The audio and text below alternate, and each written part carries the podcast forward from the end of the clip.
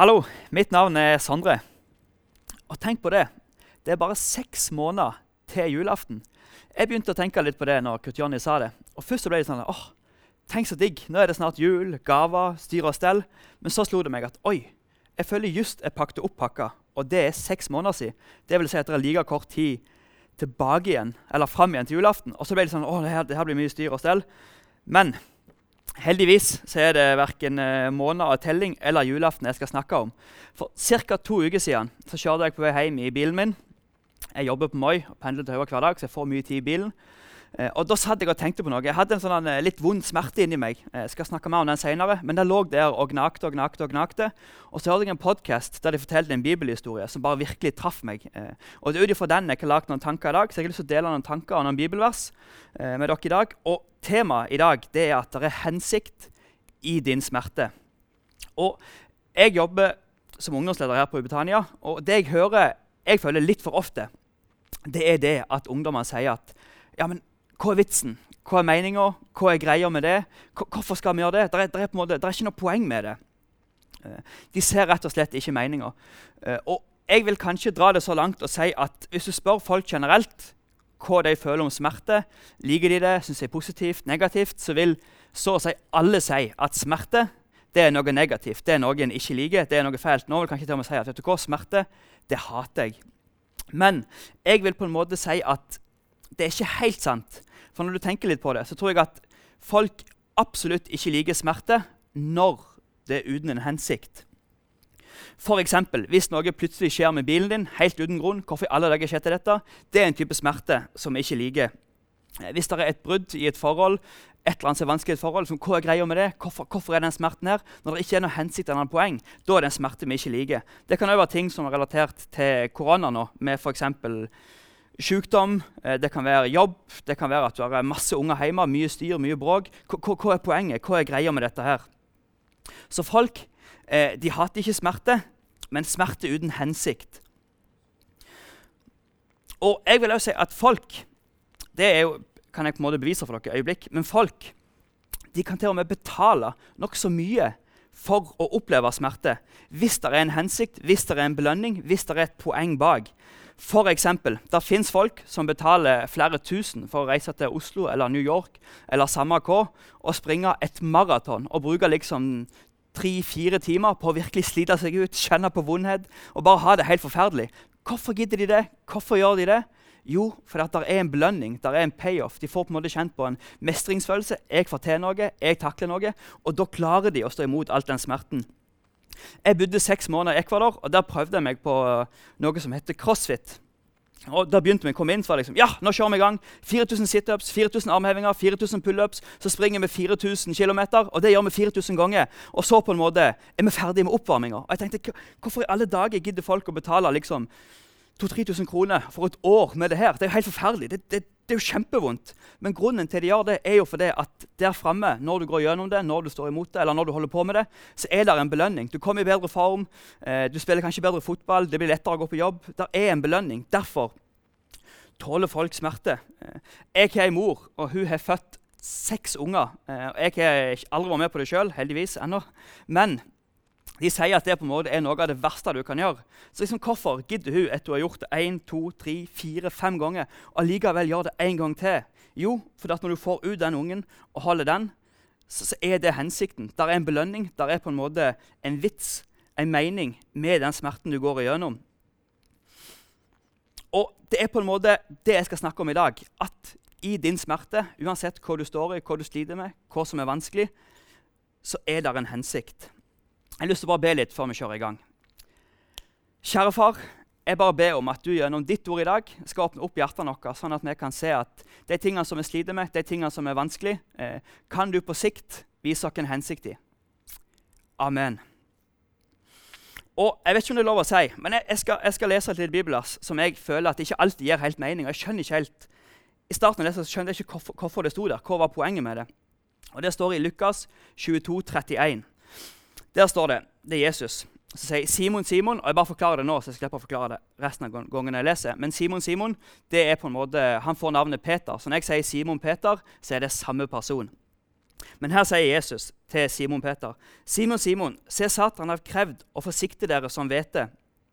Og det han egentlig sier her, er på en måte at djevelen har kommet og spurt om jeg kan teste Simon Peter, eller teste disiplene.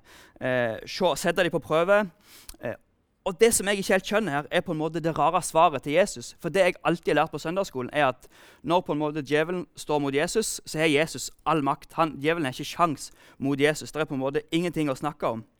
Så jeg tenker at Nå tar Jesus bare og feies til djevelen. Han får ikke lov til å på en måte teste eller prøve eller, eller se på disiplene. Men det, det, det, det, er bare å avfeie Jesus.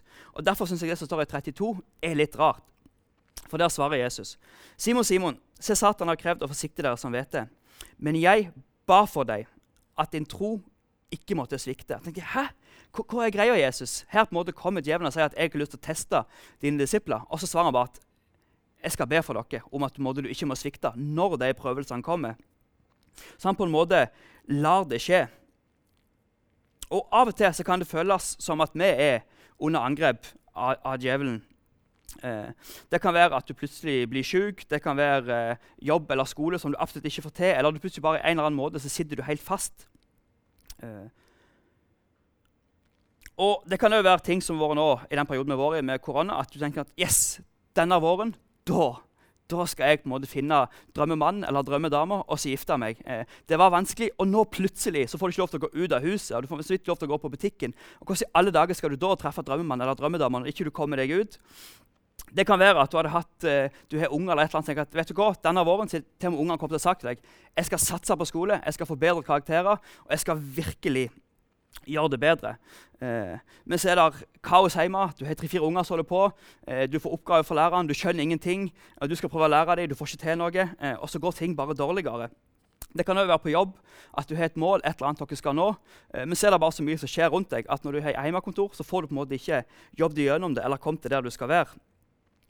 Eh, det kan være andre ting også, som du møter i en vanlig hverdag. Det kan være smerte i form av eh, jobb, venner, familie, i kirka. Det kan være mye som på en måte påfører oss smerte. Og det jeg er her for å si til dere i dag, er at når det føles som at djevelen angriper deg, så husk dette.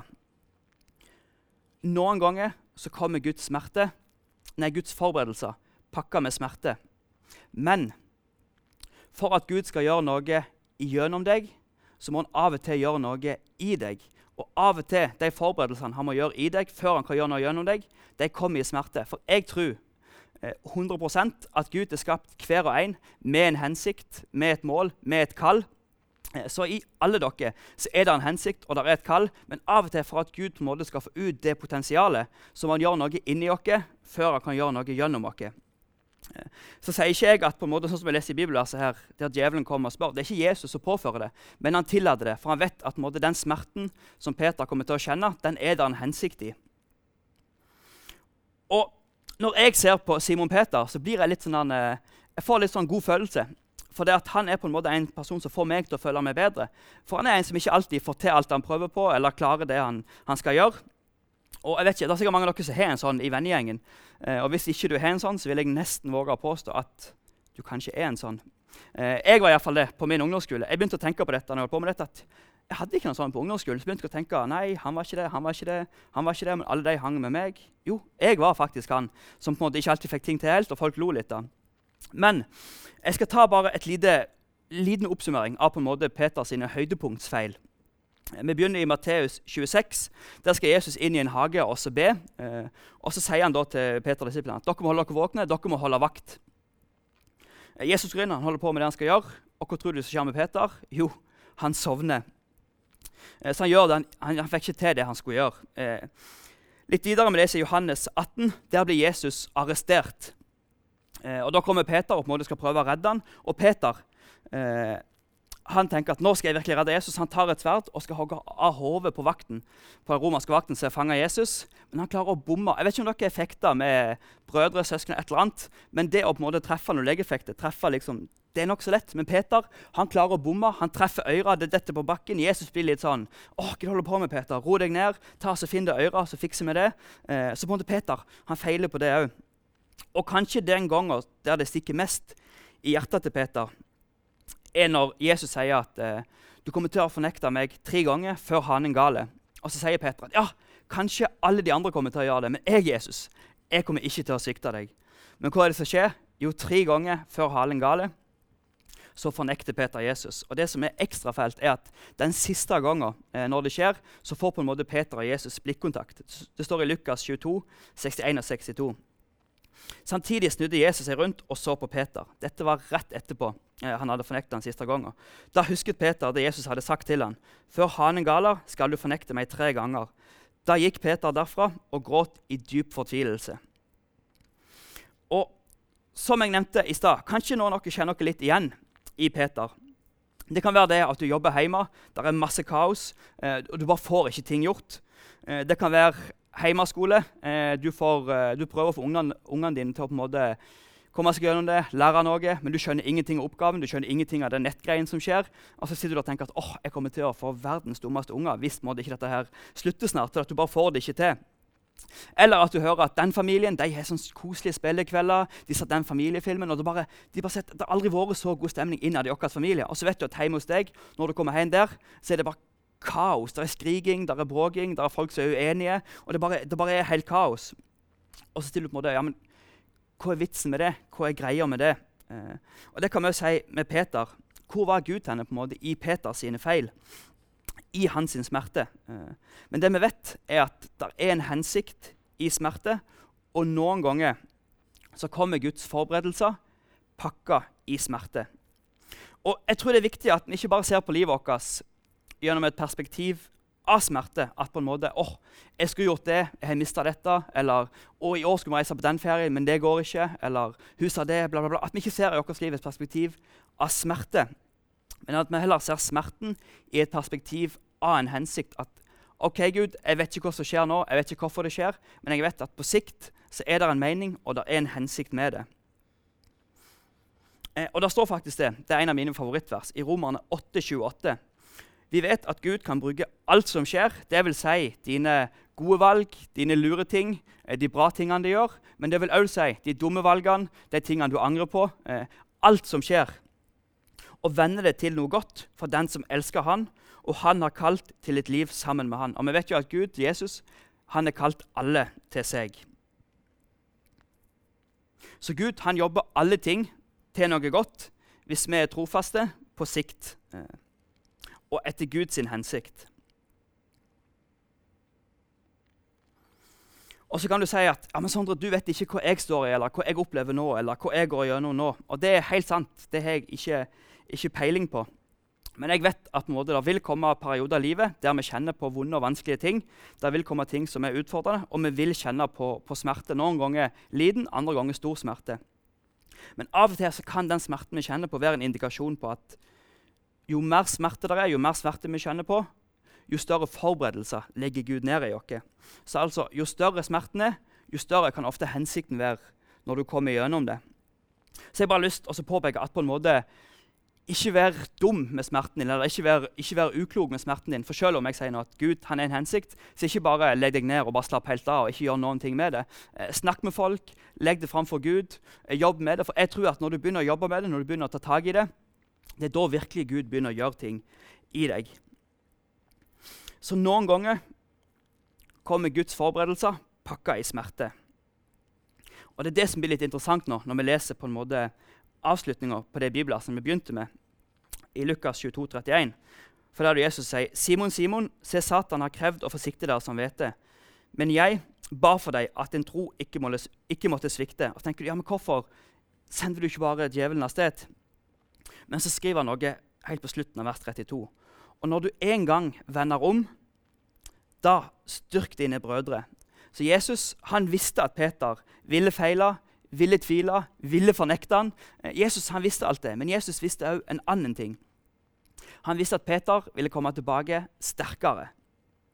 Og Den smerten med de feilene han gikk gjennom, det var faktisk en forberedelse eh, til talen han talte med pinsen. Det var det første som skjedde etter Jesus for opp til himmelen.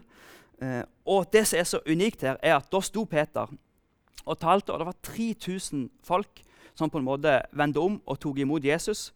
Og Peter, hva var det han talte om? Jo, Han talte om akkurat det han hadde gått gjennom. Han talte om på en måte, omvend dere, Eh, og hvordan kunne han gjøre det? Jo, fordi han hadde gjort akkurat det sjøl. Han hadde omvendt seg for sine feil, og han visste hvordan det var å bli tilgitt av Jesus. For det hadde han gjort selv. Så pga. de tingene han hadde gått gjennom, den smerten han kjente på, så var han på en måte perfekt forberedt til å gjøre akkurat det han gjorde på pinsedagen.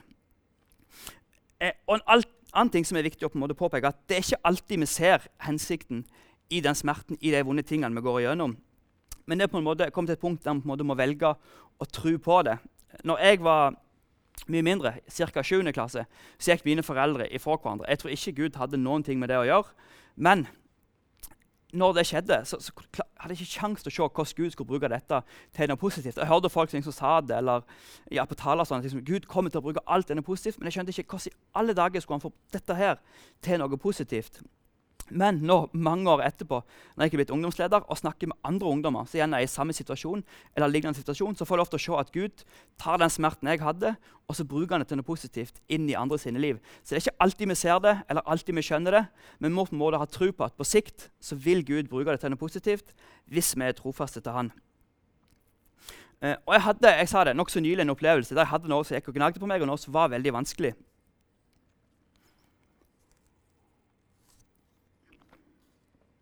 Og som jeg har nevnt noen ganger allerede nå, så er jeg sammen med min kone heter Jørgen, ungdomsledere på Betania. Eh, og rett før det koronagreiene så hadde vi masse moment. Det skjedde ting. Folk tok steg med Jesus. Det var folk som vanligvis ikke pleide å komme, som først kom litt inn i gangen, så kom de inn og satte seg på bakerste rad. Det var liksom veldig mye som skjedde, og veldig mye bra som skjedde.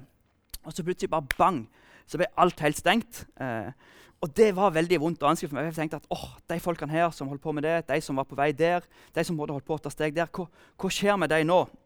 Og som jeg snakket, så, så er det en djevel som prøver å ødelegge, og så springer rundt der eh, og prøver å på en måte få splitta opp ting. Og det ble veldig, veldig vondt og vanskelig for meg. Jeg visste ikke helt liksom, hva er greia med det her, Gud? Hva er vitsen? Ting, ting, gikk så enormt bra nå.